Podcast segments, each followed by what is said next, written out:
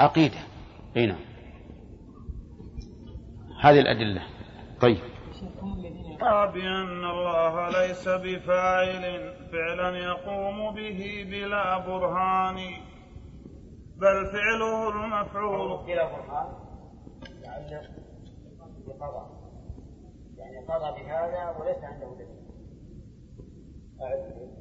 وقضى بأن الله ليس بفاعل فعلا يقوم به بلا برهان بل فعله المفعول خارج ذاته كالوصف غير الذات في الحسبان والجبر مذهبه الذي قرت به عين العصاة وشيعة الشيطان كانوا على وجل من العصيان ذا هو فعلهم.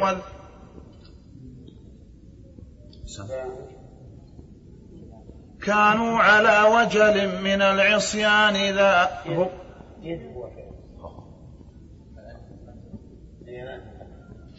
كانوا على وجل من العصيان هو فعلهم والذنب للإنسان. واللوم لا يهدوه إذ هو فاعل بإرادة وبقدرة الحيوان. فأراحهم جهم وشيعته من اللوم فأراحهم جهم وشيعته من اللوم العنيف وما قضوا بأمان لكنهم حملوا ذنوبهم على رب العباد بعزة وأمان وتبرأوا منها وقالوا إنا أفعاله ما حيلة الإنسان. ما كلف الجبار نفسا وسعها أن وقد جبرت على العصيان. ما كلف الجبار نفسا وسعها أنها وقد جبرت على العصيان. وكذا على الطاعات أيضا قد غلت مجبورة فلها إذا جبران. والعبد في التحقيق شبه نعامة قد, كل قد كلفت بالحمل والطيران. هذا وليس.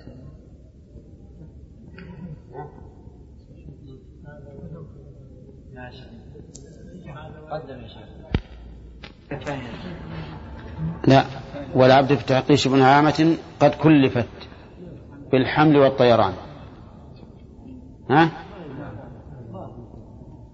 إذ كان صورتها تدل عليهما هذا وليس لها بذاك يدان. نعم. إذ كان تدل عليهما هذا وليس لها بذاك يدان. فلذاك قال بأن, بأن طاعات الورى وكذاك ما فعلوه من عصيان. هي عين فعل الرب لا أفعالهم فيصيح عنهم عند ذا فيصح هي عين فعل الرب لا أفعالهم فيصح عنهم عند ذا نفيان. نفي لقدرتهم عليها أولا وصدورها من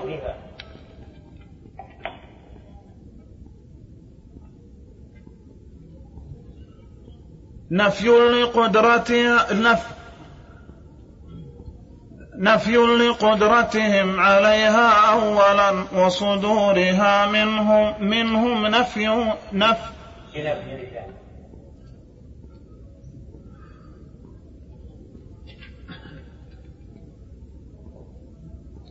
نفي لقدرتهم عليها أولا وصدورها منهم بنفي ثاني فيقال ما صاموا ولا صلوا ولا زكوا ولا ذبحوا من القربان. وكذاك ما شربوا ولا وما قتلوا وما سرقوا وما فيهم غوي زاني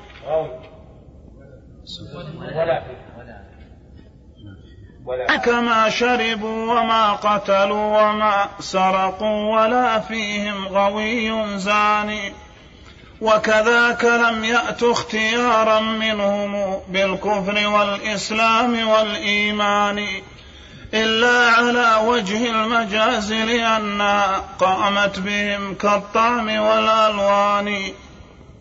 جبروا على ما شاءه خلاقهم ما ثم ذو عون وغير معاني. وغير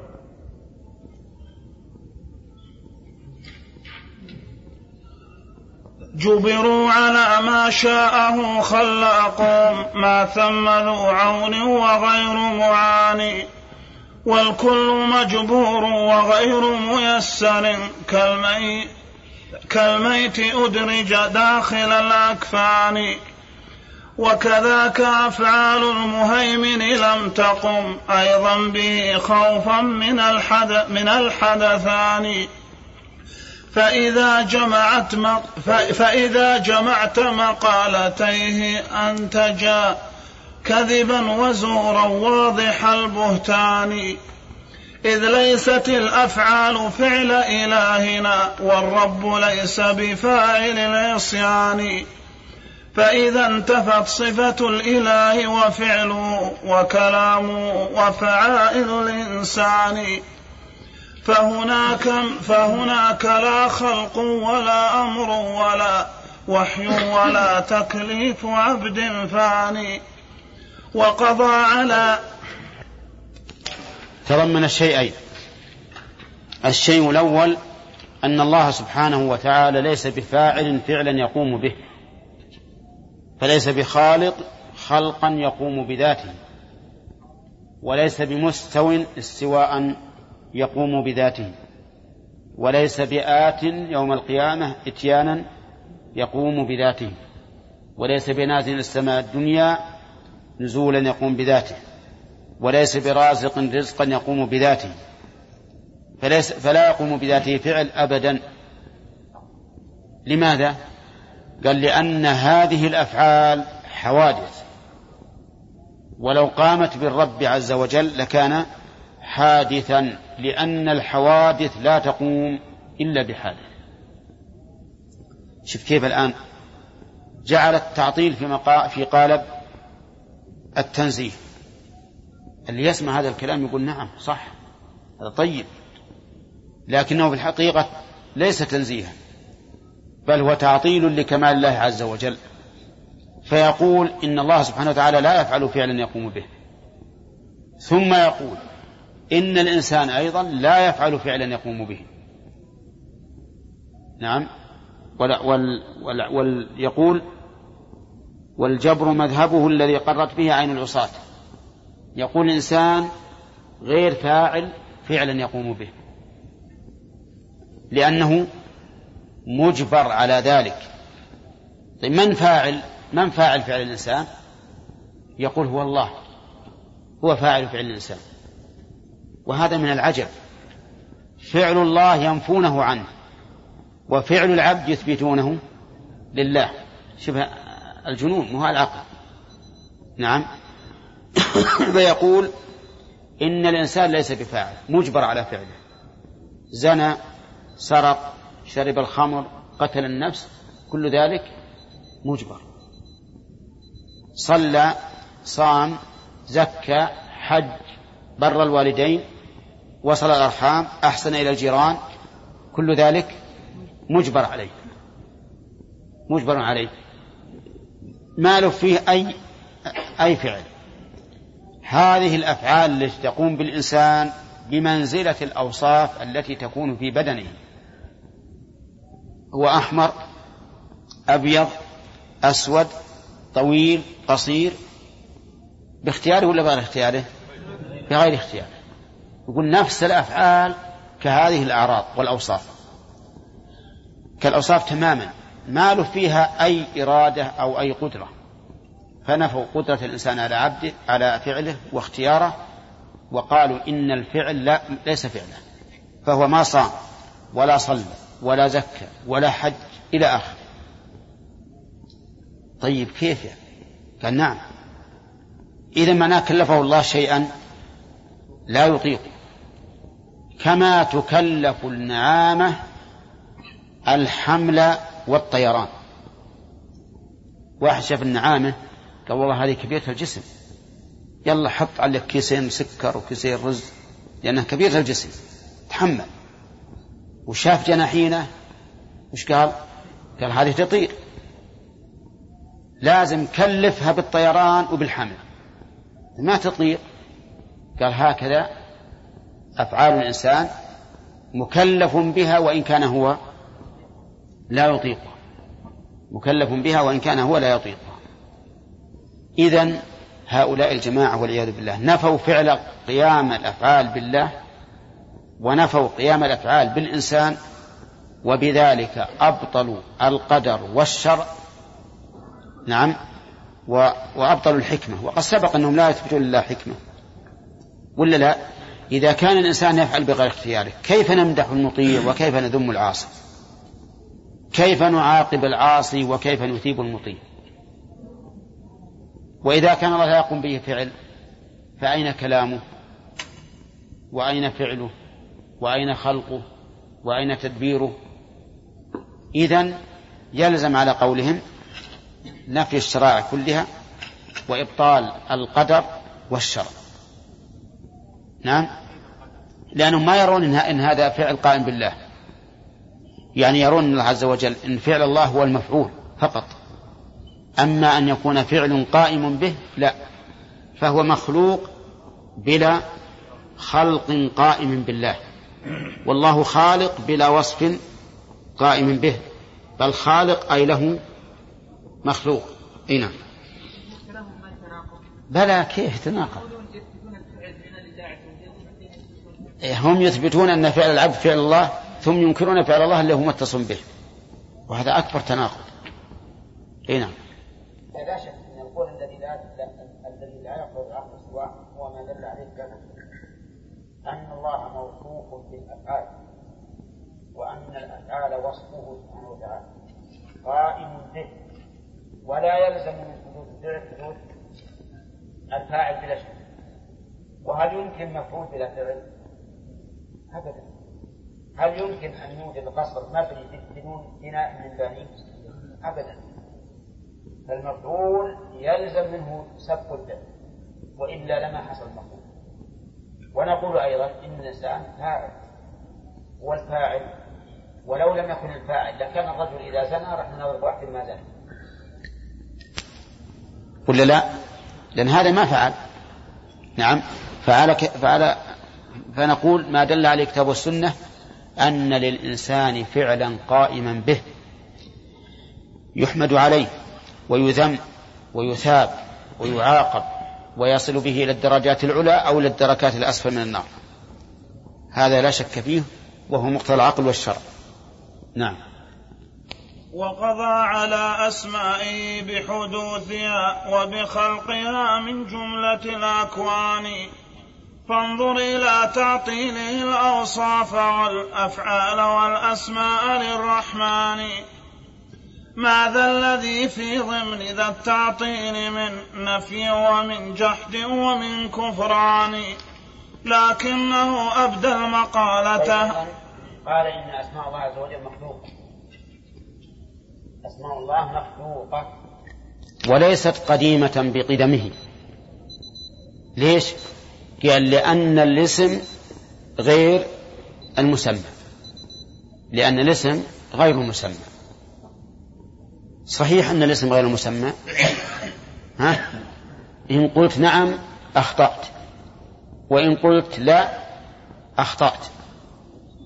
ها؟ في تفصيل إن أردت بالاسم اللفظ الدال على مسماه فهو المسمى. أنا إذا قلت ادع لي زيدا ها تدعو نفس زيد المسمى بهذا الاسم. فهو هو.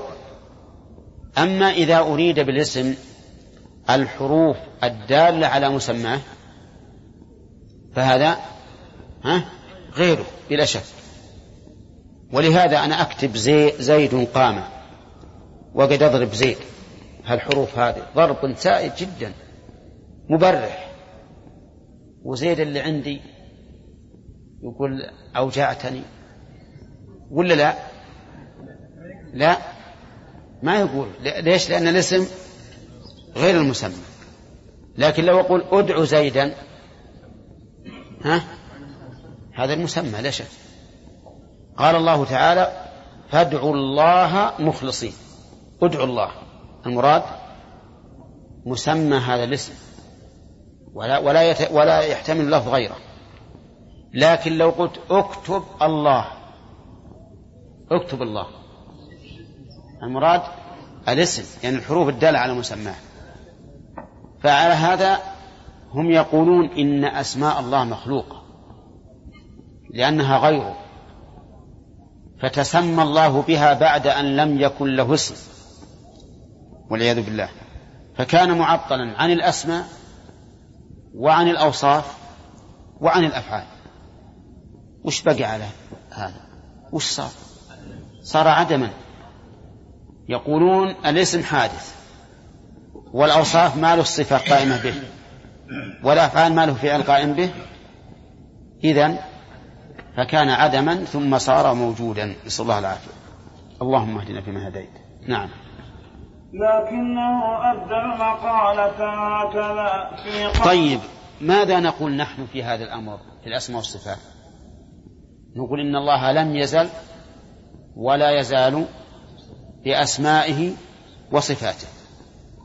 فأسماؤه وصفاته قديمة بقدمه. صحيح أن أنواع الصفات الفعلية أو أفرادها يكون حادثا. أما الصفات الذاتية فهي قديمة بقدم الرب عز وجل وكذلك الأسماء. نعم.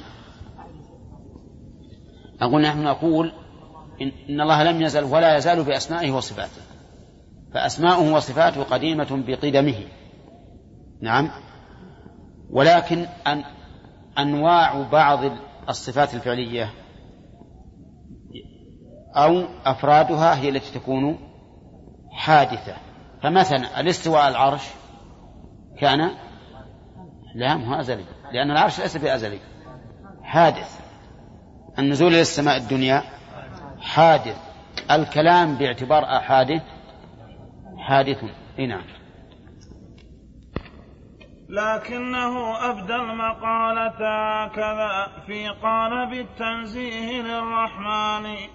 وأتى إلى الكفر العظيم فصاغه عجلا ليفتن أمة الثيران وكساه أنواع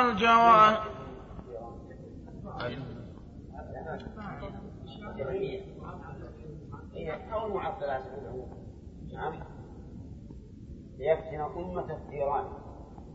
فالجهمية الذين اتبعوا هذا القول ثيران. نعم ثيران ليش؟ لأنهم آه، تبعوا هذا هذا القول وافتتنوا به. نعم. وكساه أنواع الجواهر والحلى من بس عندك حلى؟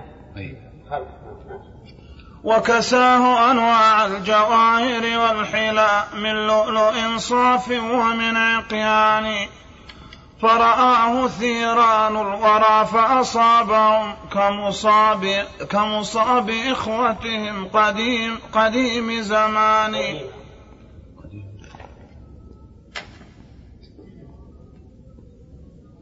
فرآه ثيران الورى فأصابهم كمصاب إخوتهم قديم زمان. عجلان قد فتن العباد بصوته إحداهما وبحرفه ذا الثاني. والناس أكثر. أيه قوم موسى. موسى آه السامري. موسى لما ذهب لميقات ربه استخلف عليهم هارون. ونعلم أن موسى كان ميعاد ثلاثين ليلة وأتمها وأتم الله بعشر فصارت أربعين ليلة. لما تمت ثلاثون ليلة ولم يأتي صنع فتنة من الله عز وجل السامري عجلا من الحلي من الذهب على صورة العجل. وقال لهم هذا هو إلهكم وإله موسى. لكن موسى ظل ما عرف. ولهذا كان الميعاد ثلاثين يوما. والآن أكثر من ثلاثين لأنه ما عرف فهذا هو إلهكم. فلما قال هذا الكلام راجع عليهم واستحسنوه وعبدوا العجل. عبدوا العجل والعياذ بالله. هذا عجل اليهود. عجل الجهمية ما هو؟ هذا القول المزخرف الذي زخرفه جهم. لكن عجل بني إسرائيل بالصورة وعجل هذا بالتحريف. ولهذا قال بحرفة الثاني. هذا بالتحريف بتحريف الكلمة عن مواضعه وتزويق الكلام الذي يحسبه الجاهل يحسبه الظمآن ماء حتى إذا جاءه لم يجده شيئا. نعم. والناس أكثر فأهل ضوائر تبدو لهم ليسوا بأهل معاني. فهم, فهم القشور بال... الناس أكثرهم أهل ضوائر ينظرون للظاهر فقط ولا ينظرون لما يترتب على هذا الظاهر وما ينتج عنه. وهل هو حق أو باطل؟ مصلح أو مفسد؟ فتجدهم أتباع كل ما وصدق رحمه الله. الناس أكثرهم فأهل ظواهر تبدو لهم ليسوا بأهل معاني. فهم القشور بالقشور قوام واللب حظ خلاصة الإنسان. ولذا تقسمت الطوائف قولا وتوارثوه إرث ذي السهمان. لم ينجو من ماني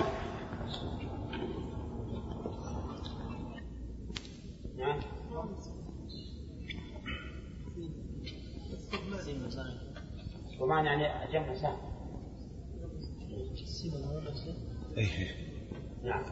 ولذا تقسمت الطوائف قولا وتوارثوه إرث ذي السهمان لم ينجو من أقواله طرا سوى أهل الحديث وشيعة القرآن.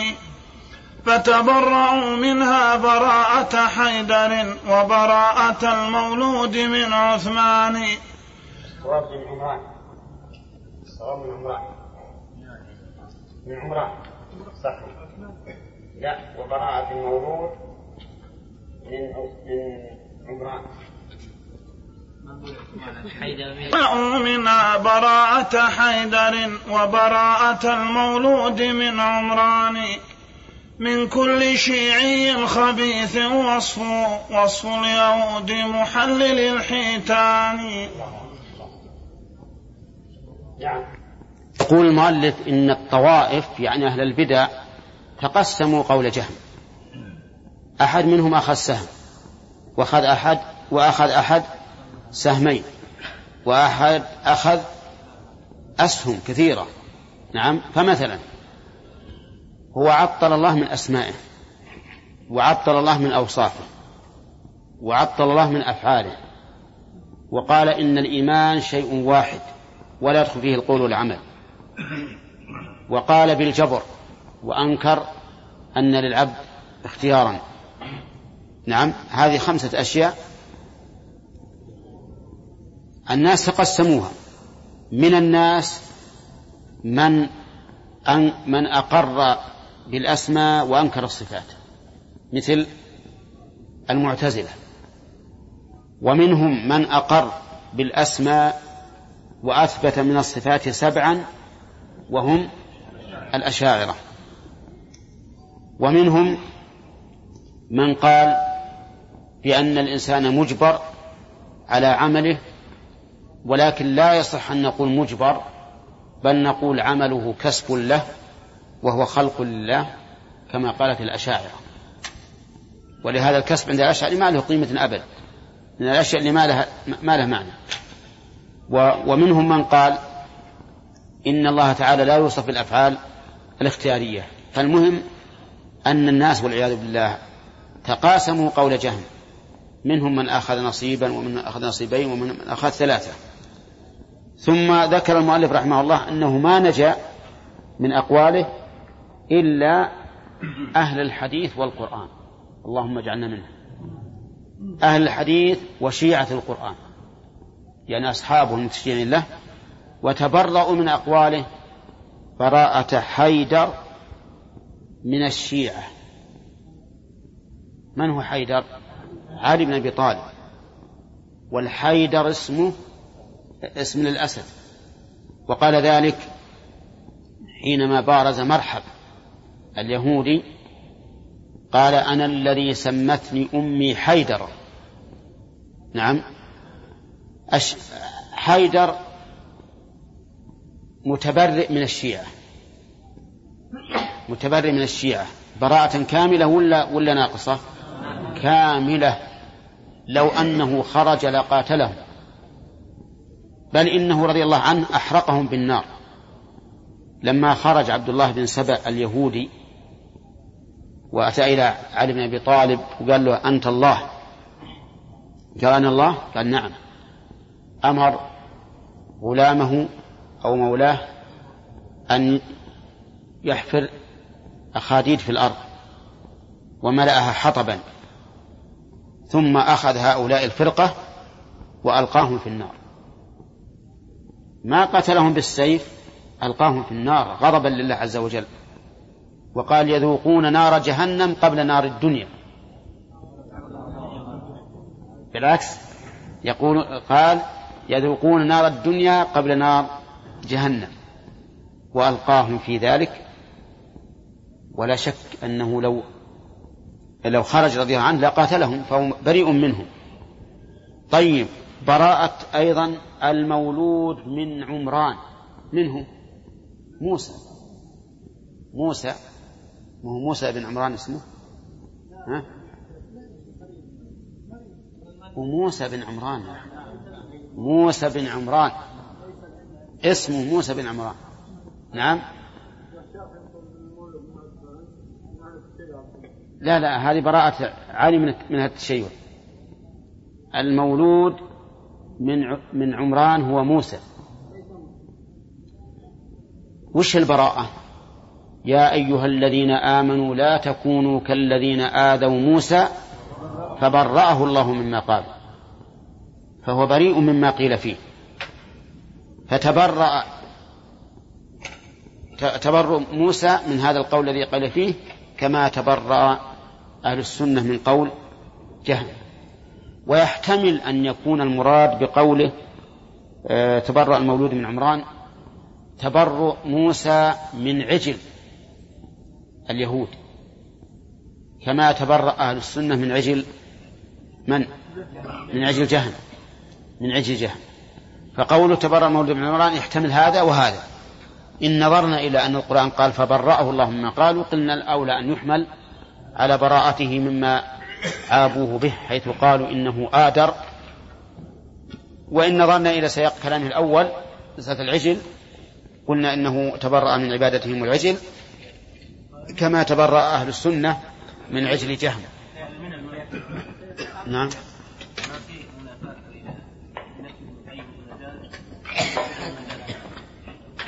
لا لا هذا يحكي كلامهم. اي يحكي كلامهم هم. اي يصور كلامهم يقول نسبة الأفعال أفعال الخلق إلى الخلق من باب المجاز ولا هي في الحقيقة عندهم فعل الله.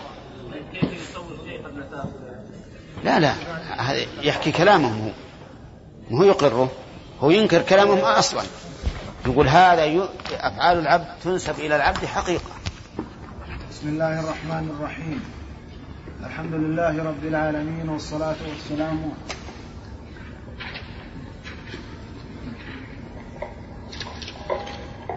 الصلاة والسلام على نبينا محمد وعلى آله وصحبه أجمعين.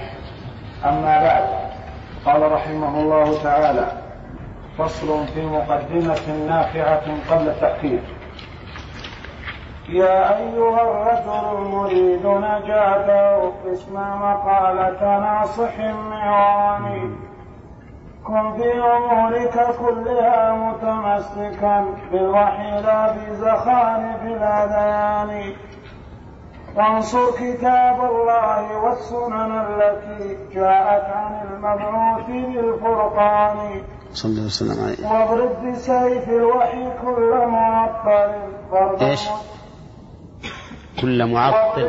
بسيف الوحي كل معطل ضرب المجاهد فوق كل بيان واحمل بأزم الصدق حملة مخلص متجرد لله غير جبان واثبت بصبرك تحت ألوية الهدى. فإذا أصبت ففي أصبت. فإذا أصبت أعد أعد البيت. كل ما رديت عليك أعد البيت عشان واثبت بصبرك تحت ألوية الهدى فإذا أصبت ففي رضا الرحمن. هذه القطعة ينادي المؤلف رحمه الله الرجل الذي يريد نجاته من عذاب الله عز وجل بأن يسمع مقالة هذا الرجل الناصح المعوان يعني الذي هو أهل للمعاونة والمساعدة. لأنه رحمه الله مخلص لإخوانه.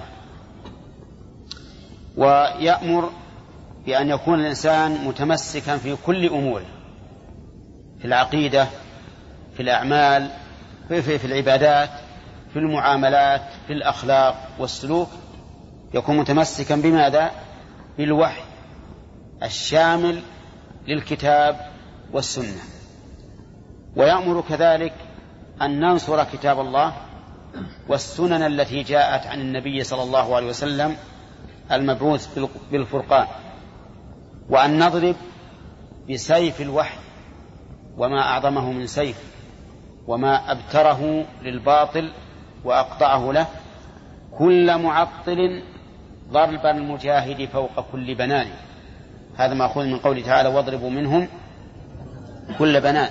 يعني حتى الأصابع قطعوهم قطعا قطعا. اضربوهم كل بنان و وأحمل بعزم الصدق. نعم ثم يأمر أيضا أن نحمل بعزم الصدق. حملة مخلص متجرد لله لا للهوى أو لأن يكون قوله هو الأعلى ولكن متجرد لله عز وجل. لا يريد بذلك إلا وجه الله. ويأمر كذلك بالصبر تحت ألوية الهدى. الألوية جمع لواء وهي الأعلام. تحت ألوية الهدى اثبت. فإذا قدر أنك أصبت فذلك في رضا الرحمن. والإصابة في رضا الرحمن هي في الحقيقة ليست إصابة بل هي غاية ما يتمناه الإنسان. إذا أصيب في الله وفي رضا الله فهو لم يصب في الواقع بل حصل له الأجر والفضل. وهذا البيت ينبغي أن نجعله معنا دائما أن نثبت تحت ألوية الهدى. فإذا أصبنا أوذينا ضربنا أهنا فعل بنا ما فعل فكل هذا في رضا الرحمن. وهذا كقول النبي صلى الله عليه وسلم حين دميت إصبعه هل أنت إلا إصبع دميت؟ وفي سبيل الله ما لقيت. نعم. واجعل كتاب الله والسنن التي ثبتت سلاحك ثم صح بجناني ماذا يبارز فليقدم طيب عندكم كلكم بجنان؟ لا لا بجنان لكن عندي لو كانت بجبان كانت أوضح. يعني صح بالجبناء. صح بهم تقول من ذا يبارز؟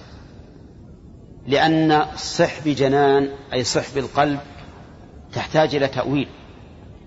أي صح بلسانك صيحة خارجة من من قلبك.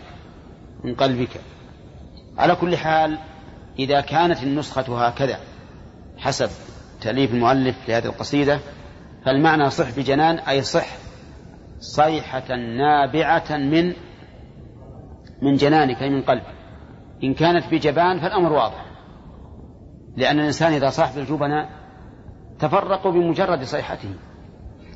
يعني يذكر عن بعض الشجعان أنه إذا صاح إذا إذا إذا كر على العدو وصاح تمزقت الفرسان تمزقوا بمجرد صيحته حتى إن بعض الفرسان يقولون تخر نفس الفرس يخر من صيحة هذا الرجل الشجاع. نعم. من لا يبارز فليقدم نفسه أو من يسابق يبدو في الميدان. الله أكبر. واصدع بما قال الرسول ولا تخف من قلة الأنصار والأعوان الله أكبر الله أكبر. فالله ناصر دينه وكتابه والله كاف عبده بأمانه. لا تخش من كيد العدو ومكر فقتالهم بالكذب والبهتان. فجنود أتباع الرسول ملائك وجنودهم فأساخر الشيطان. شتان بين العسكرين فمن يكن متحيرا فلينظر الفئتان. واثبت وقاتل تحت رايات الهدى واصبر فنصر, فنصر الله ربك داني واذكر مقاتلهم لفرسان الهدى لله در مقاتل الفرسان مقاتل. مقاتل. اصبر خلنا نشوف. أعد أعد البيت. واذكر مقاتلهم لفرسان الهدى لله در مقاتل لا مقاتل زين. واذكر مقاتلهم لفرسان الهدى لله در مقاتل الفرسان. طيب هذه الفقرة أيضا يقول رحمه الله اجعل سلاحك شيئين كتاب الله والسنن التي ثبتت. ما هو كل سنة تقال؟ السنن التي ثبتت اجعلها هي السلاح. ثم صح. بهؤلاء الجبناء قائلا من يبارز؟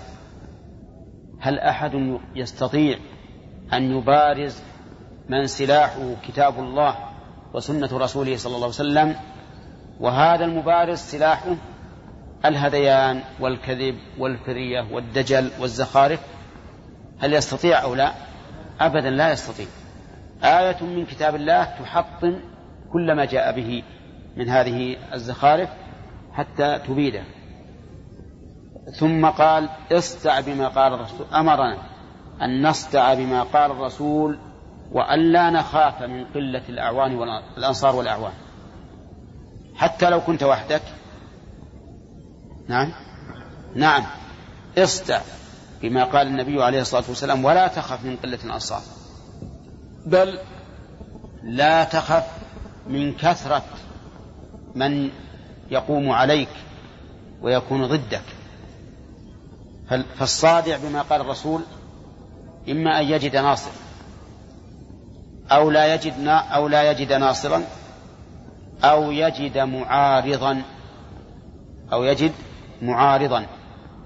فالأول الذي يجد الناصر واضح أنه سيصلح لأن لديه من يعينه والثاني الذي لم يجد لا هذا ولا هذا بل وجد معرضا. هذا أيضا قد يكسل إذا رأى أن ما صدع به من قول الرسول لم يلتفت إليه أحد. والثالث الذي وجد المعارض المعارض الذي يقابله وينابذه ويضيق عليه ويأتي ضده بالدعايات ولكن كل هذا يجب أن يكون لا شيء أمام الإنسان. انتبهوا يا جماعة. وهذا ليس لا يعني في العقائد فقط. في العقائد والأحكام الفقهية والآداب والأخلاق وكل شيء. اصدع بما قال الرسول قولا وفعلا ولا تخف من قلة الأنصار والأعوان فالناس أمامك إما مساعد أو معرض أو معارض. ولا لا؟ طيب. لا تبالي بهذا. حتى لو لم يكن أمامك إلا المعرض والمعارض لا يهمنك نعم ويقول أيضا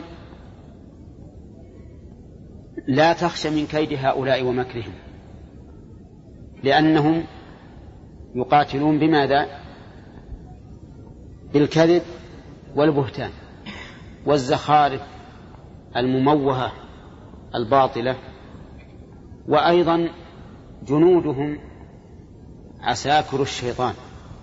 أما جنودك فملائكة الرحمن. أنت مؤيد بالملائكة. ولهذا كان الرسول عليه الصلاة والسلام يقول لحسان بن ثابت وهو ينشد اللهم أيده بروح القدس. ويقول أيضا إنه ينبغي لنا أن نبين مقاتلهم. أي موضع قتلهم نبين فيما بيننا. نقول جادلهم بكذا حاجهم بكذا ناظرهم بكذا. كما قال الشافعي رحمه الله في القدرية قال ناظروهم بالعلم فإن أقروا به خصموا وإن أنكروه كفروا. فأئمة الهدى يبينون لنا, لنا مقاتل هؤلاء. حتى نقتلهم بما يبطل أقوالهم. نعم. طيب. وادرأ بنفسه وادرع بلفظ النص في نحر العدا وارجمه بثواقب الشوبان. الله أكبر. لا تخش كثرتهم فهم همة الورى وذبابه أتخاف من ذبان. الذباب نعم. من أهون ما يكون ومن أخوف ما يكون. ولا لا؟ لو تقول هكذا لو ما ضربته وين يروح؟ يطير ولا يجي حولك. فهؤلاء ذبان الورى. والمؤلف رحمه الله أتى بهذا التشبيه لبيان حالهم وتقبيحها. لأن تشبيه الإنسان بالذباب تقبيح بلا شك وهو أيضا مبين لحاله وأنه من أضعف ما يكون من الحشرات. نعم. واشغلهم عند الجدال ببعضهم بعضا فذاك الحزم للفرسان. وإذا هم حملوا عليك فلا تكن فزعا لحملتهم ولا بجبان. واثبت ولا تحمل بلا جند فما هذا بمحمود لدى الشجان فإذا رأيت إصابة الإسلام قد وافت عساكرها مع السلطان. فهناك فاختلق الصفوف ولا تكن بالعاجز الوالي ولا الفزعان. طيب المؤلف رحمه الله بين لنا من مقاتل القوم أن نرمي أقوال بعضهم ببعض. فمثلا هؤلاء المتكلمون ليسوا على طريقة واحدة بل طرقهم متناقضة حتى إن الواحد منهم يقول هذا شيء يوجبه العقل والثاني يقول هذا شيء يمنعه العقل. مو بيجيزه يمنعه. يقول رحمه الله اضرب أقوال بعضهم ببعض. فإن ذلك يوجب أن بعضهم ينشغل ببعض. فمثلا هذا الذي يقول هذا واجب عقلا وذاك يقول هذا ممتنع عقلا خلهم يشتغل مع بعضهم مع بعض حرج بعضهم ببعض لأجل أن يرد الذي قال إنه يمتنع على الذي قال إنه يجب. والذي قال يجب يرد على الذي يمتنع. وتبقى أنت في موقف المتفرد نعم. وهذه السياسة. حتى في الأمور العسكرية الآن. نعم سياسة. أشغل الناس بعضهم بعض وخليك واقف تتفرج. نعم. هذه من, هذه من داء أهل السنة والجماعة مع أهل الكلام. ولهذا تجد شيخ الإسلام رحمه الله. أحيانا يسوق بيان بطلان قولهم بأنه متناقض ثم يقول قال فلان وهو من زعمائهم كذا وكذا وقال الآخر وهو من زعامهم أيضا كذا وكذا. يدل على إيش؟ على التناقض وتناقض قول أكبر دليل على بطلانه. ويقول أيضا رحمه الله إذا أثبت لكن إذا أردت أن تهجم فالأولى أن لا تهجم إلا بجند معك يساعدونك. لأن الحمل بلا جند غير محمود حمل بلا جند غير محمود يبقى الإنسان وحده ربما لا يحمل. يحتمل كلام المؤلف هنا أن يريد بالجند العلماء الذين يساعدونك ويعينونك ويحتمل أن يريد به السلاح. يعني لا تحمل إلا بعلم. لكن آخر كلامه يؤيد الاحتمال الأول ولهذا قال فإذا رأيت إصابة الإسلام قد وافق أساكرها مع السلطان فهناك فاخترق. نعم. ها؟ أساكرها. نعم. لا بالكسر. ذباب. أو ذبابة. نعم. الوراء الخلق. لا المؤلف يقول يريد أن يبين الجيش القوي. كلما كان سلطان والمراد بالسلطان ذو السلطة حتى القائد ذو سلطة. نعم. وتعر من ثوبين من يلبسهما يلقى الردى بمذمة وهوان ثوب من الجهل المركب فوقه ثوب التعصب ثوب التعصب بئسة الثوبان. وتحل بالإنصاف أفخر حلة. أفخر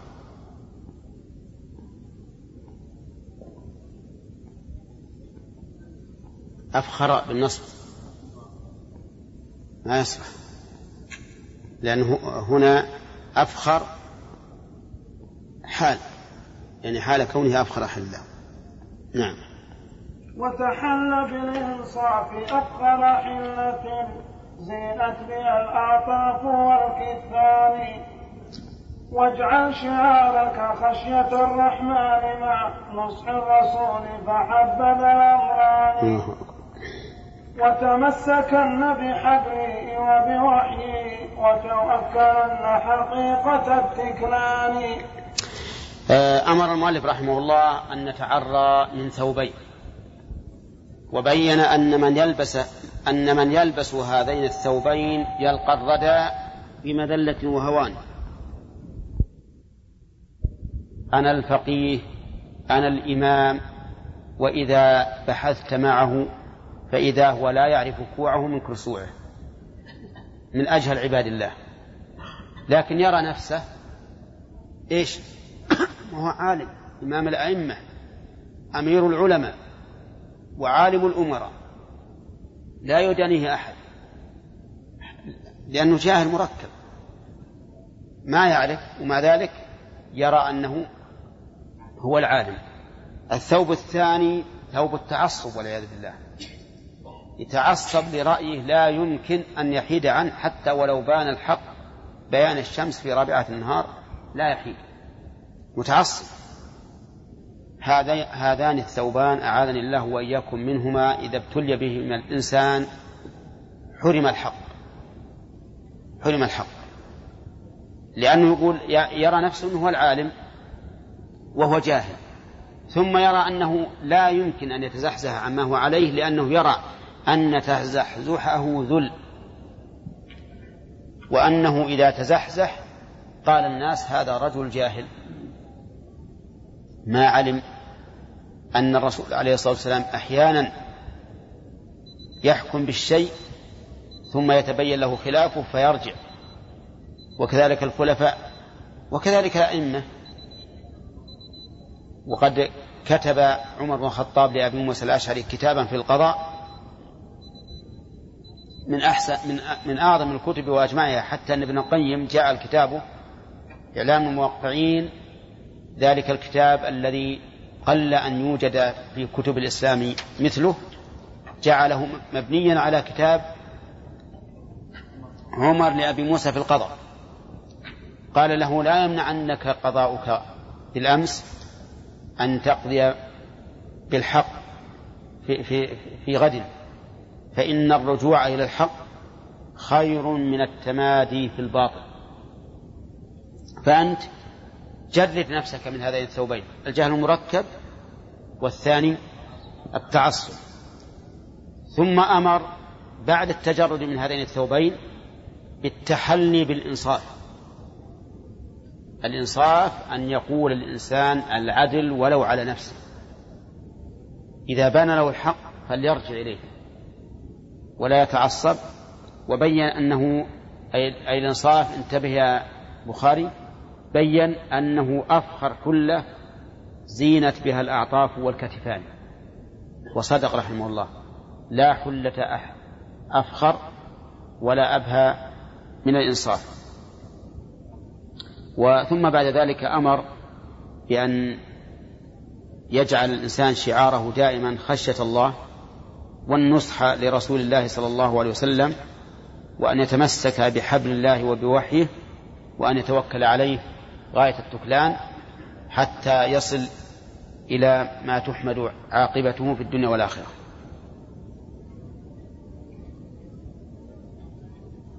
فالحق وصف الرب وهو صراط الهادي إليه لصاحب الإيمان.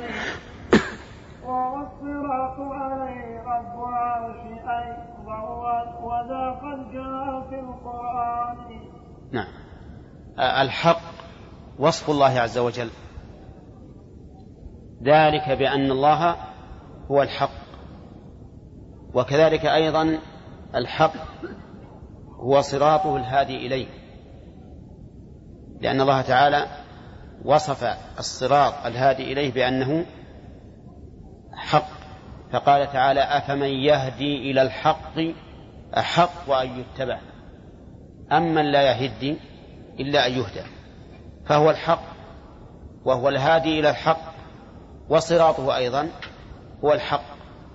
فهذه ثلاثة أمور. الله تعالى هو الحق والحق وصف ويهدي يعني, يعني يهدي عباده يدلهم ويرشدهم على الحق وصراطه الموصل إليه هو الحق. نعم. والحق منصور ممتحن فلا تعجب هذه سنة الرحمن.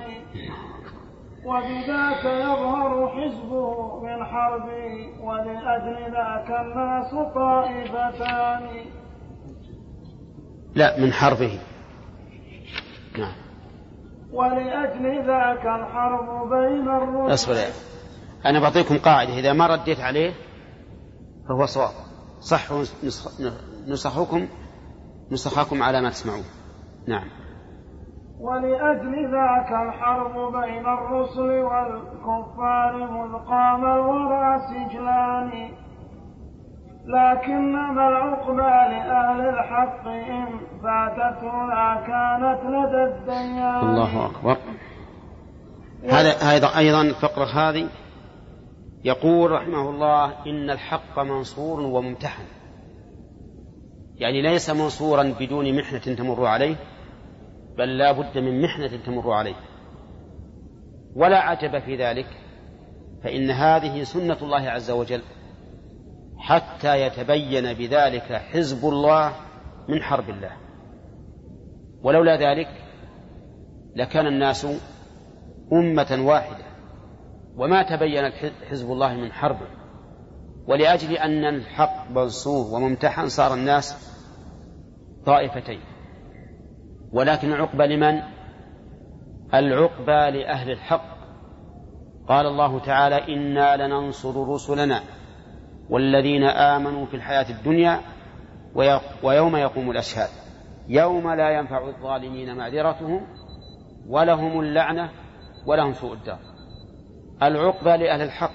إن فاتت في الدنيا وجدوها لدى الديان عند الله. فالعقبى لهم على كل حال. إما في الدنيا والآخرة وإما في الآخرة. أما أن يحرم النصر فهذا شيء ممتنع. كما سمعتم الآية إنا لننصر رسلنا والذين آمنوا في الحياة الدنيا ويوم يقوم الأشهاد. على أنني كررت مرارا أقول إن النصر ليس نصر الشخص ولكن نصر الطريق نصف الطريق الذي ينتهجه. فإذا قدر أن الإنسان قضى الله عليه في الدنيا قبل أن يشاهد النصر أي نصر ما كان عليه فإنه سوف ينتصر بعد ذلك ينتصر منهجه ويقوم. ما دام هو المنهج الذي جعله الله سبحانه وتعالى لعباده. ولهذا نقول إن انتصار المسلمين بعد موت الرسول صلى الله عليه وسلم انتصار للرسول. أليس كذلك؟ وإن كان بعد وفاته. ويدل لهذا أن هرقل عظيم الروم لما حدثه أبو سفيان بما كان عليه الرسول عليه الصلاة والسلام من الدعاء من الدعوة إلى الحق وش قال أبو سفيان؟ قال إن كان ما تقول حقا فسيملك ما تحت قدمي هاتين. هرقل. نعم هرقل.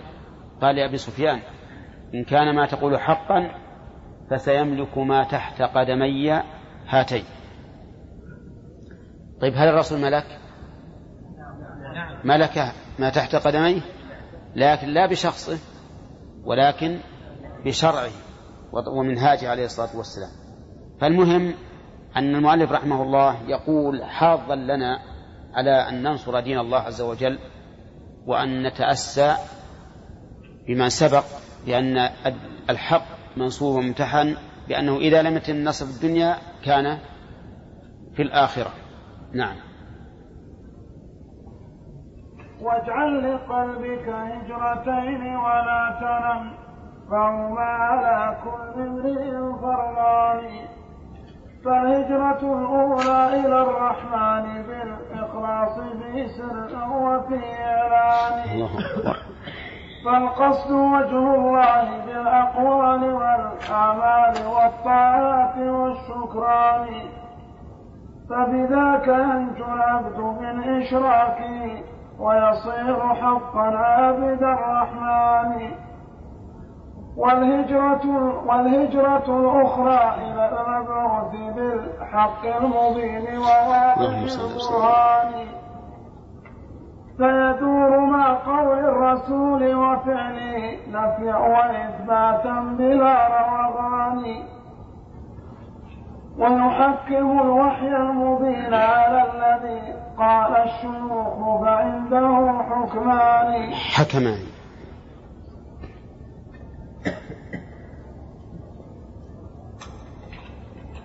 ويحكم الوحي المبين على الذي قال الشيوخ فعنده حكمان. لا يحكمان بباطل أبدا وكل العدو وكل العدل قد جاءت به الحكمان. الحكمان.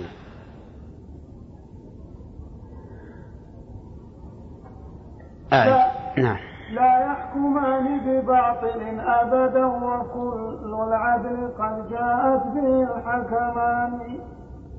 وهما كتاب الله أعدل حاكم فيه الشفاء وهداية الحيران. والحاكم الأحسن أعدل؟ عندكم أعدل؟ لأن أعدل وإن أضيفت فهي نكرة. لأن مضافة هنا إلى إيش؟ إلى نكرة. والمضاف إلى النكرة نكرة ولا يصح أن يكون وصفا لمعرفة. كتاب الله معرفة ولا نكرة؟ وعلى هذا فيكون أعدل أرجح من أعدل وإن كان أعدل لها وجه من جهة أنها آه، آه، خبر ثاني. من جهة أنها خبر ثاني. نعم. وهما كتاب الله أعدل حاكم فيه الشفاء وهداية الحيران. الله أكبر الله أكبر. والحاكم الثاني كلام رسوله. ما تم غيرهما لذي إيمان فإذا دعوك لغير حكمهما فلا سمعا لداعي الكفر والعصيان. قل لا كرامتنا ولا نعمى ولا طوعا لمن يدعو إلى طغيان. وإذا دعيت إلى الرسول فقل لهم سمعا وطوعا لست ذا عصيان. وإذا تكاثرت الخصوم وصيحوا فاثبت فصيحتهم كمثل دخان. يرقى إلى الأوج الرفيع وبعده يهوي إلى قعر الحضيض الداني. هذا وإن قتال حزب الله بالأعمال لا بكتائب الشجعان. طيب المؤلف رحمه الله يقول اجعل لنفسك هجرتين. هجرتين الأولى هجرة إلى الله والثانية هجرة إلى رسول الله صلى الله عليه وسلم. ونحن نعرف الهجرة معناه الترك. يعني اترك كل شيء إلا إلى هذين الشيئين. وهما إلى الله ورسوله. اجعل لنفسك هجرتين الأولى إلى الله والثاني إلى رسول والثانية إلى رسول الله صلى الله عليه وسلم. الهجرة إلى الله بماذا؟ بالإخلاص. لا تقصد سواه أبدا. ولهذا قال رحمه الله آه نعم فالقصد وجه الله بالأقوال والأعمال والطاعات والشكران. بهذه الهجرة تنجو من إيش؟ من الشرك لأنك أخلصت القصد. أما الهجرة الثانية فهي إلى رسول الله صلى الله عليه وسلم باتباعه وعدم الروغان عن هديه لا تقدما ولا تأخرا ولا يمنة ولا يسرة وبهذه الهجرة تسلم من إيش؟ من الابتداع. بهذه الهجرة تسلم من الابتداع. فهاتان الهجرتان يجب على كل مسلم أن يجعل لقلبه هاتين الهجرتين. طيب ومن الحكم في أمورك؟ كتاب الله وسنة رسوله صلى الله عليه وسلم. وإذا دعيت إلى غير كتاب الله وسنة رسوله فقل لا سمعا ولا طاعة لداعي الطغيان. لداعي الطغيان. قال المؤلف لداعي الطغيان موافقة لقوله تعالى ألم تر إلى الذين يزعمون أنهم آمنوا بما أنزل إليك وما أنزل من قبلك يريدون أن يتحاكموا إلى الطاغوت وقد أمروا أن يكفروا به. فكل ما سوى الله حكم الله ورسوله فهو فهو طغيان. طيب إذا تكاثروا عليك الذين يدعون إلى غير الكتاب والسنة وصيحوا وش تقول؟ تثبت وشبههم بالدخان تعلو أصواتهم وضجيجهم كلماتهم ودعاياتهم إلى أوج العلا أعلاه وفي النهاية تهبط إلى الحضيض الدان أو تمزعها الرياح يمينا وشمالا. نعم. ثم قال المؤلف إن قتال حزب الله أظن ما يمدينا نكمل البحث هذا. كيف هم الحق لكم الآن ما في أحد. ها؟ نكمل؟ طيب. نعم. يلا يا عبد.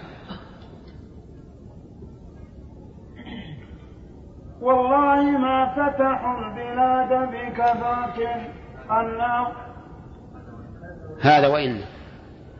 هذا وإن قتال حزب الله بالأعمال لا بكتائب الشجعان. والله ما فتحوا البلاد بكثرة. أنا وآداهم بلا حسبان. وكذاك ما فتحوا القلوب بهذه الآراء بل بالعلم والإيمان. هذا صحيح. هذا فيه الرد على من قال إن المسلمين فتحوا البلاد بالسلاح والحرب. وهذا قول أعداء المسلمين. لأنهم إذا قالوا هكذا فمعناه أن المسلمين طغاة معتدون. فتحوا البلاد بقوة السلاح. وهذا ما قاله إلا أعداؤنا من من المستشرقين وأذنابهم وإنما فتحوا البلاد بماذا؟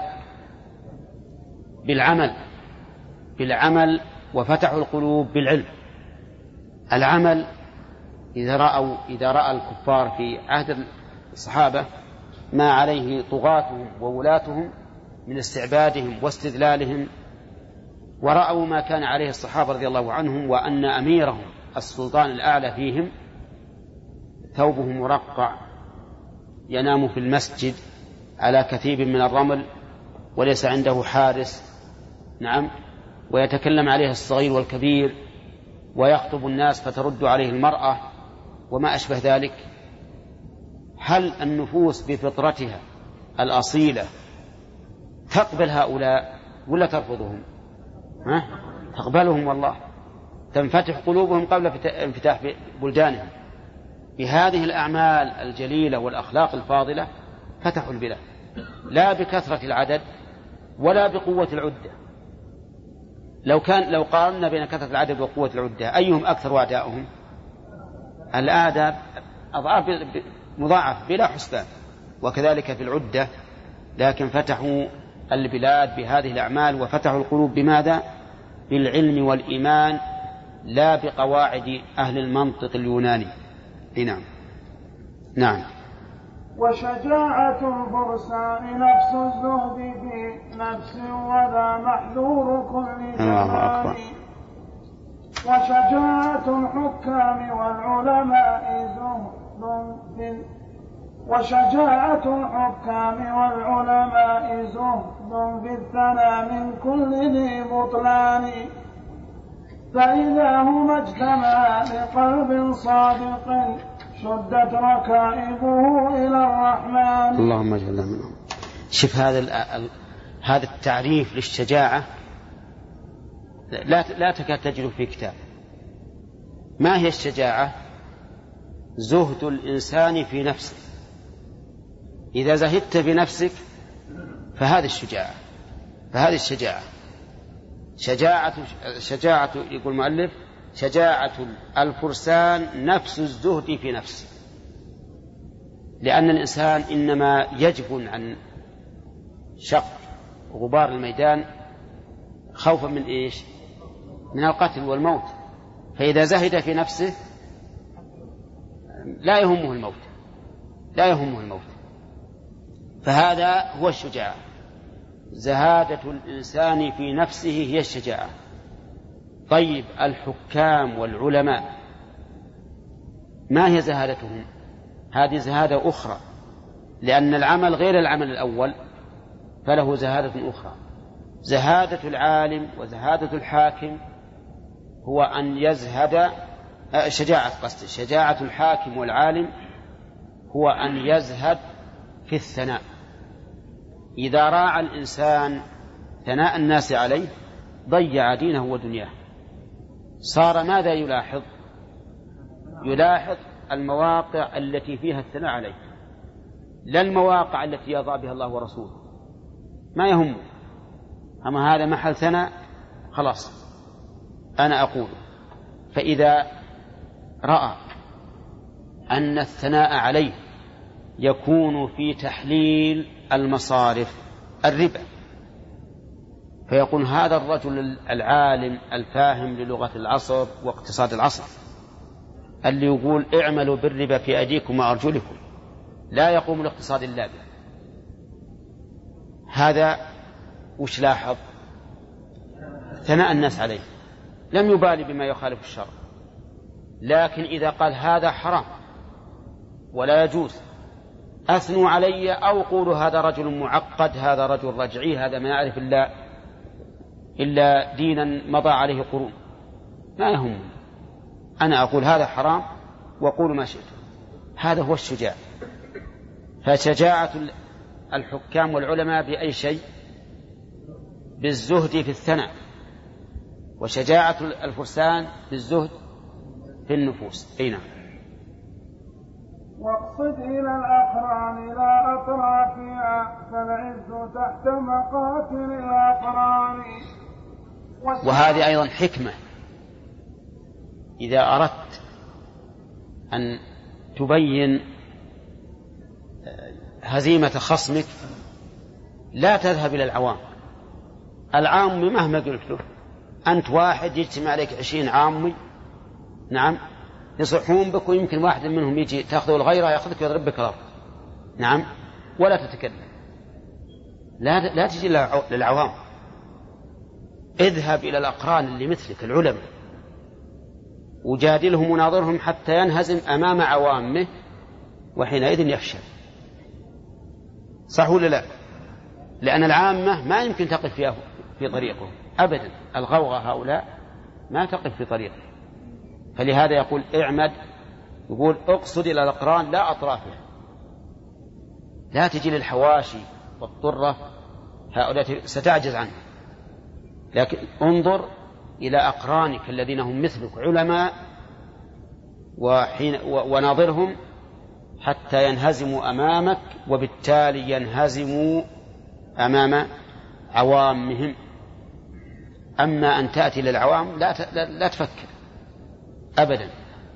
ولا ولا تستطيع.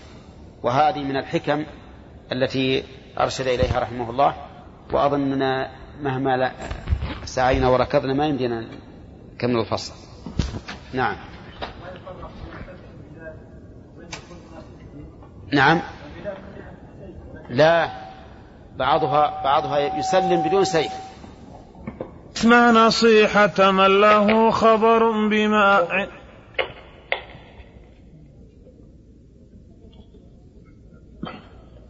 واسمع نصيحة من له خبر بما عند الورى من كثرة الجولان ما عندهم والله خير غير ما أخذوا عمن جاء. غير. يصلح ما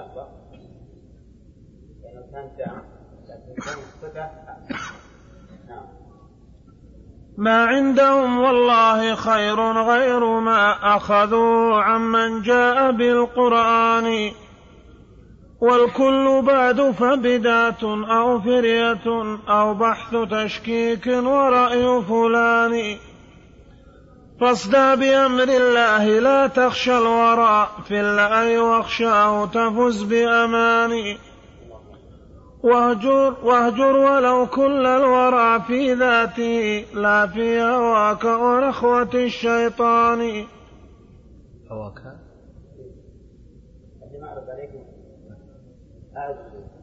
واهجر ولو كل الورى في ذاتي لا في هواك ونخوة الشيطان. واصبر بغير تسخط وشكاية واصفح بغير عتاب من هو جاني. واهجرهم الهجر الجميل بلا أذى إن لم يكن إن لم يكن بد من الهجران. إن لم يكن بد من الهجران. واهجرهم الهجر الجميل بلا أذى إن لم يكن بد من الهجران. وانظر إلى الأقدار جارية بما قد شاء من غي ومن إيمان. واجعل لقلبك مقلتين كلاهما بالحق في ذا الخلق ناظرتان.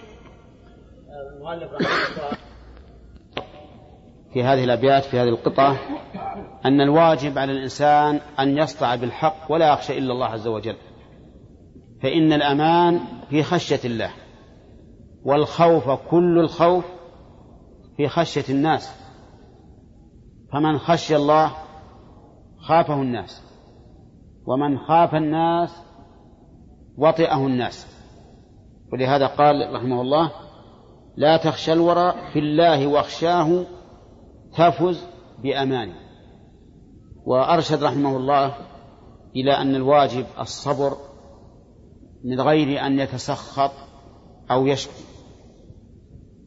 لا تتسخط ولا تشكو و واصبر. وأما الهجر فقال إن لم يكن منه بد فاهجره وإلا فلا. ثم أمرنا أن ننظر إلى أقدار الله عز وجل. في هؤلاء المعرضين عن كتاب الله وسنة رسوله صلى الله عليه وسلم. لأن لنا أيها الإخوة بالنسبة للمعرضين عن كتاب الله وسنة رسوله لنا فيهم نظران. النظر الأول النظر القدري يعني النظر إلى قدر الله عز وجل. فهنا نرحمهم ونرق لهم ونحمد الله عز وجل أن عافانا مما ابتلاهم به. لأن هذا من أقدار الله عز وجل.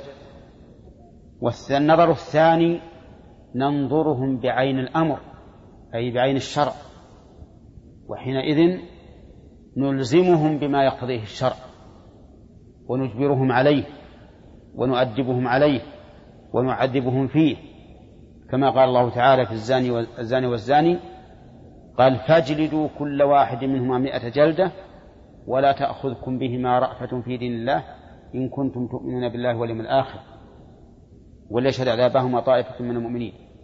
فأنت إذا نظرت إلى هذا المخذول والعياذ بالله تأويله مسكين كيف صد عن الهوى عن الهدى واتبع الهوى والردى ترق له. لكن في الأمر الذي هو الشرع تلزمه به. وتؤدبه على ما على ما فعل حتى يستقيم على أمر الله عز وجل ولهذا قال المؤلف وانظر إلى الأقدار أقدار من؟ ها؟ أقدار الله سبحانه وتعالى جارية بما قد شاء من إيش؟ من غي ومن إيمان نعم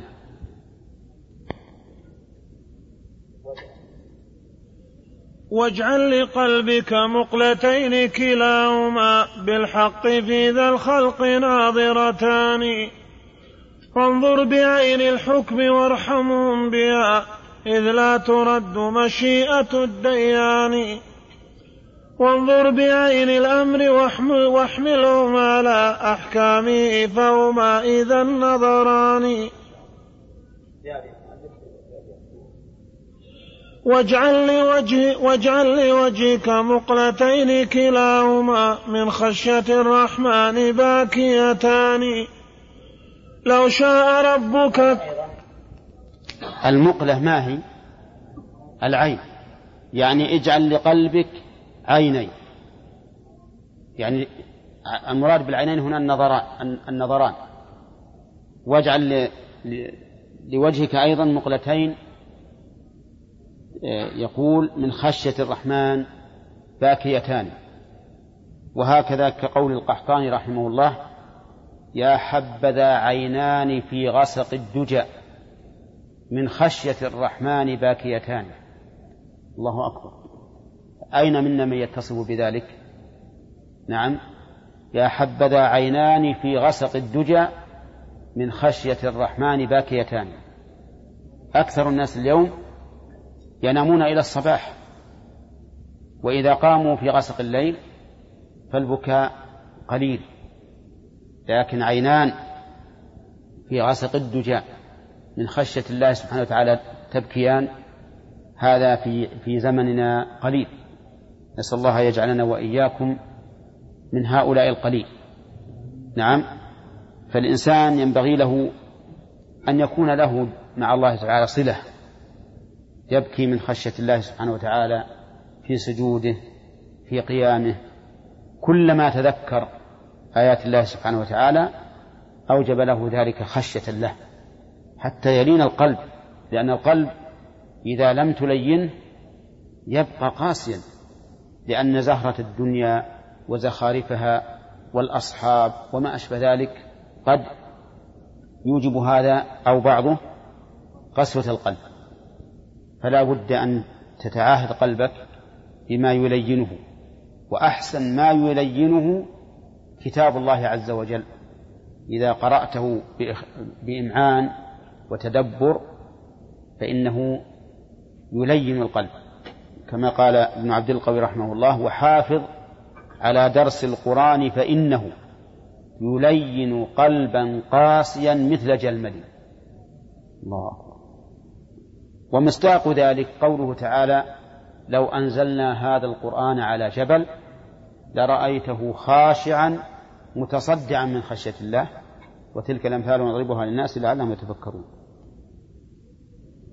واجعل لوجهك مقلتين كلاهما من خشية الرحمن باكيتان. لو شاء ربك كنت أيضا مثلهم فالقلب بين أصابع الرحمن. واحذر كمائن نفسك التي متى خرجت عليك كسرت كسر مهان. وإذا انتصرت لها فأنت كمن بغى طفي الدخان بموقد النيران. والله أخبر وهو أصدق قائل أن سوف ينصر عبده بأمان. من يعمل السوء سيجزى مثل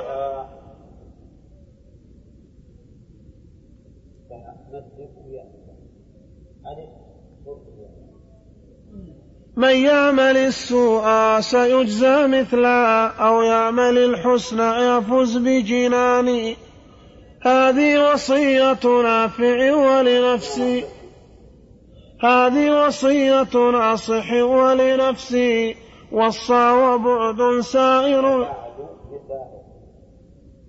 وبعد لسائر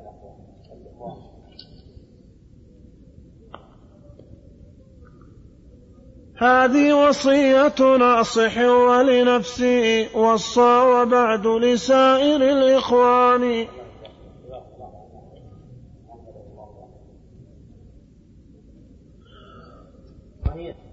ألف في هذه القطع. إح لو شاء ربك كنت أيضا مثله. مثل من؟ مثل هؤلاء الضلال الذين ضلوا عن الهدى. لكن إذا وفقت للهدى فلا تجعل ذلك فخرا على ربك. اعرف قدر نعمة الله عليك بذلك واعلم أن له سبحانه وتعالى أكبر المنة عليك. لأنه لو شاء لأزاغ قلبك. نسأل الله العافية. لو شاء ربك كنت أيضا مثلهم فالقلب بين أصابع الرحمن. كل العباد قلوبهم بين أصابع الرحمن عز وجل يقلبها كيف يشاء إن شاء أزاغها وإن شاء هداها. ولكن الزيغ له سبب. فلما زاغوا أزاغ الله قلوبهم. والله لا يهدي القوم الفاسقين. وإذا انتصرت إذا. نعم واحذر كمائن نفسك. النفس كمائن. يعني أشياء مستترة لا يعلمها إلا الله عز وجل. كما قال القحطاني والله لو علموا سريرة يعني لو علموا ها؟ قبيح لا لا قبيح سريرتي. نعم. والله لو علموا قبيح سريرتي لأبى السلام علي من يلقاني. فالإنسان في نفسه كمائن لا يعلمها إلا الله. احذر هذه الكمائن. الكمائن كثيرة. قد تكون إشراكا بالله. نسأل الله العافية. يحب الإنسان الرياء أن يراه الناس على عمل صالح. قد يكون الحسد لعباد الله وهو من خصال اليهود. قد يكون كراهة أن ينتصر دين الله عز وجل أو أن ينتصر أولياء الله عز وجل. قد يكون إيثار الدنيا على الآخرة. قد يكون إيثار الأولاد والأزواج على الآخرة. لا تلهكم أموالكم وأولادكم عن ذكر الله ومن يفعل ذلك فأولئك هم الخاسرون. المهم أن هناك كمائن يا أخواني في القلب. خفية خفية خفية. تحتاج إلى تمحيص وإلى غسل القلب من ظاهره وباطنه. احرص. كلنا يستطيع أن يصلي صلاة خشوع ظاهرا. يكبر فيرفع يديه يضع يديه على صدره يركع تماما يسجد تماما يقرأ تماما. نعم. لكن الشأن وش عليه؟ الشأن على القلب. هل القلب يتابع الجوارح. نعم. أو بالعبارة أصح هل الجوارح هذه تابعة للقلب في إحسان العمل أم هو صورة؟ هذه مسألة كما قال ابن القيم جزاه الله خيرا. احذر كمائن نفسك اللاتي متى خرجت عليك كسرت كسر مهان. احذر هذه واجعل دائما قصدك الوصول إلى الله عز وجل. فهو غاية كل كل غاية. أنت إذا جعلت هذا هو القصد والله تنسى الدنيا ومن فيها. إذا جعلت هذا قصد أن تصل الله أن تنصر دين الله أن تحب في الله وتبغض في الله فإنك سوف تصل إلى الغاية التي تنسى الدنيا كلها بل تجد لذة العيش في هذه الدنيا والحياة الطيبة. أما إن أتبعت نفسك الدنيا وزخارفها تبي تتعب. لأن الدنيا لا يمكن أن تأتيك على ما تريد. أبدا. ما يمكن. لكن إذا قصدت الله جاءك ما تريد. وإذا أردت الله جاءك ما تريد. يقول رحمه الله وإذا انتصرت لها يعني إذا كان الإنسان يحب أن ينتصر لنفسه فقط فهذا خطأ عظيم. كمن بغى طفي الدخان بموقد النيران. اللي يقول أنا بطفي الدخان وهو يعلز الضوء خصوص الرطب ها؟ وش يصير؟ يمكن يطفى ولا يزيد؟ يزيد. نعم. ثم قال إن الله أخبر بأنه سوف ينصر عبده بأمان وأن من يعمل السوء يجزى مثلها وأما من يعمل الحسنى يفز بجنانه. اللهم اجعلنا ممن يعملون الحسنى نعم. فصل وهذا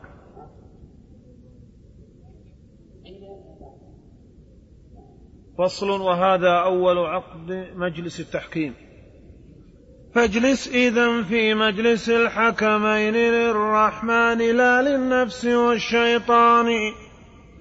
الأول النقل الصحيح وبعده العقل الصريح وفطرة الرحمن. واحكم إذا في رفقة قد سافروا. يبغون فاطر هذه الأكوان. فترافقوا في سيرهم وتفارقوا عند افتراق الطرق بالحيران. فأتى فريق ثم قال وجدت هذا الوجود بعيني وعياني.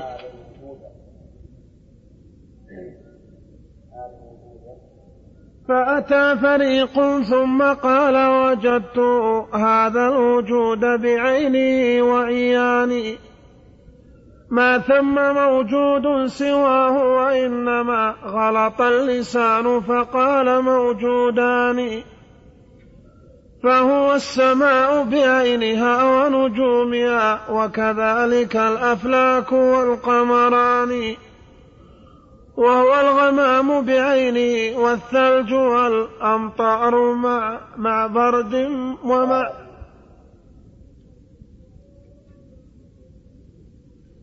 وهو الغمام بعينه والثلج والأمطار مع برد ومع حسبان وهو الهواء بعينه والماء والترب الثقيل ونفس ذي النيران هذه بسائط ومن تركبت هذه المظاهر ما هنا شيئان. وهو الفقير لها لأجل ظهوري. فيها كفقر الروح للأبدان. وهي التي افتقرت إليه لأنه هو ذاتها ووجودها الحقان. وتظل تلبسه وتخلعه وذا الإيجاد والإعدام كل أواني. ويظل يلبسها ويخلعها وذا حكم المظاهر كي يرى بعيان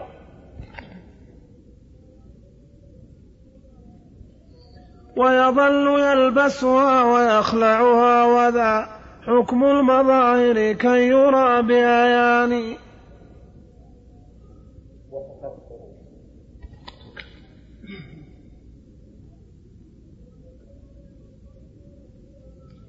وتكثر الموجود كالأعضاء في المحسوس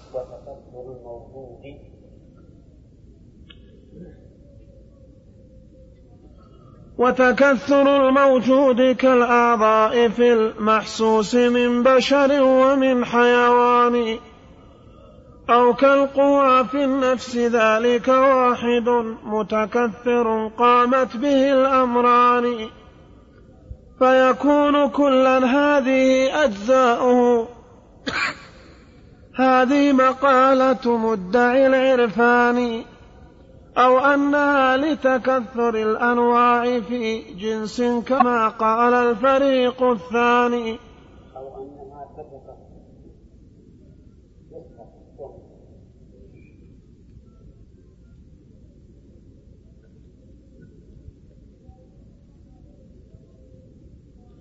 أو أنها كتكثر الأنواع في جنس كما قال الفريق الثاني. فيكون كليا وجزئياته هذا الوجود فهذه قولان. إحداهما نص الفصوص وبعده قول ابن سبعين وما, وما.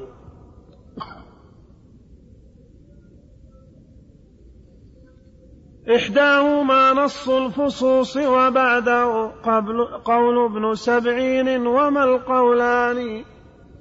عند العفيف التلمسان التلمساني الذي هو غاية في الكفر والبهتان. إلا من الأغلاط في حس وفي وهم وتلك طبيعة الإنسان. والكل شيء واحد في نفسه ما للتعدد فيه من سلطان. فالضيف والمأكول شيء واحد والوهم يحسب. ها هنا شيء. يحسب.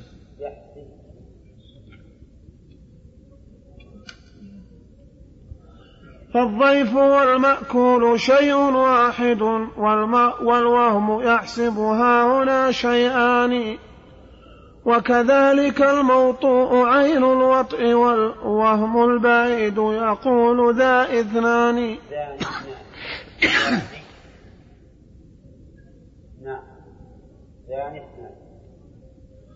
وكذلك الموطوء عين الوطء والوهم البعيد يقول ذان اثنان ولربما قالا مقالة كما قد قال قولهما بلا فرقان. هذه أشار المؤلف رحمه الله لما ذكر النصائح السابقة طلب الآن أن نجلس مجلس التحكيم. ماذا نحكم؟ أمر أن نحكم شيئين النقل الصحيح والعقل الصريح المؤيد بالفطرة. انتبه. النقل الصحيح يعني به الكتاب وصحيح السنة لأن السنة فيها صحيح وضعيف.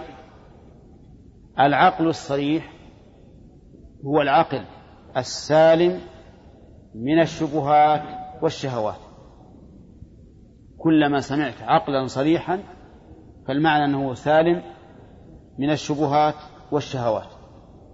الشبهات الجهل والشهوات الإرادات السيئة. فإذا وفق الله سبحانه وتعالى إنسانا الإنسان علما وحسن قصد وإرادة صار ذا عقل صريح. ضد ذلك العقل المبني على الجهل أو على سوء الإرادة. نعم. طيب هذان الحكمان. فطرة الرحمن تؤيد تؤيد كلا الأمرين في الواقع. تؤيد النقل الصحيح لأنها تقبل ما جاء به الشر والعقل الصريح كذلك لأنها تقبل ما دل عليه العقل. ثم ذكر المؤلف أن الخلق صاروا رفقة خرجوا من البلد رفقة واحدة. ثم بعد ذلك تفرقوا تفرقت بهم السبل. كل واحد راح مع طريق. كان بالأول خارجين مخرج واحد يطلبون الرب عز وجل. ثم بعد ذلك تفرقوا. وبدأ المؤلف رحمه الله بأشدهم شطحا وضلالا. وهم أهل وحدة الوجود. الذين على رأسهم الخبيث بن عربي. بن عربي هو رئيس هذه الطائفة. ذهب ذهبوا يطلبون الله. قالوا وجدنا الله هو هذا الوجود. ما وجدنا شيئا آخر غير الله غير هذا الوجود. هذا الوجود هو عين الله. اسم الأخ حمد. حمد. جنبه عن يمينه سليمان. جنبه عن يساره؟ ها؟ ناصر هذا شيء واحد. شيء واحد. السماء الأرض الحمار الجمل الكلب الهر القط. نعم. شيء واحد. ما يخالف. إحنا نقول شيء واحد. ما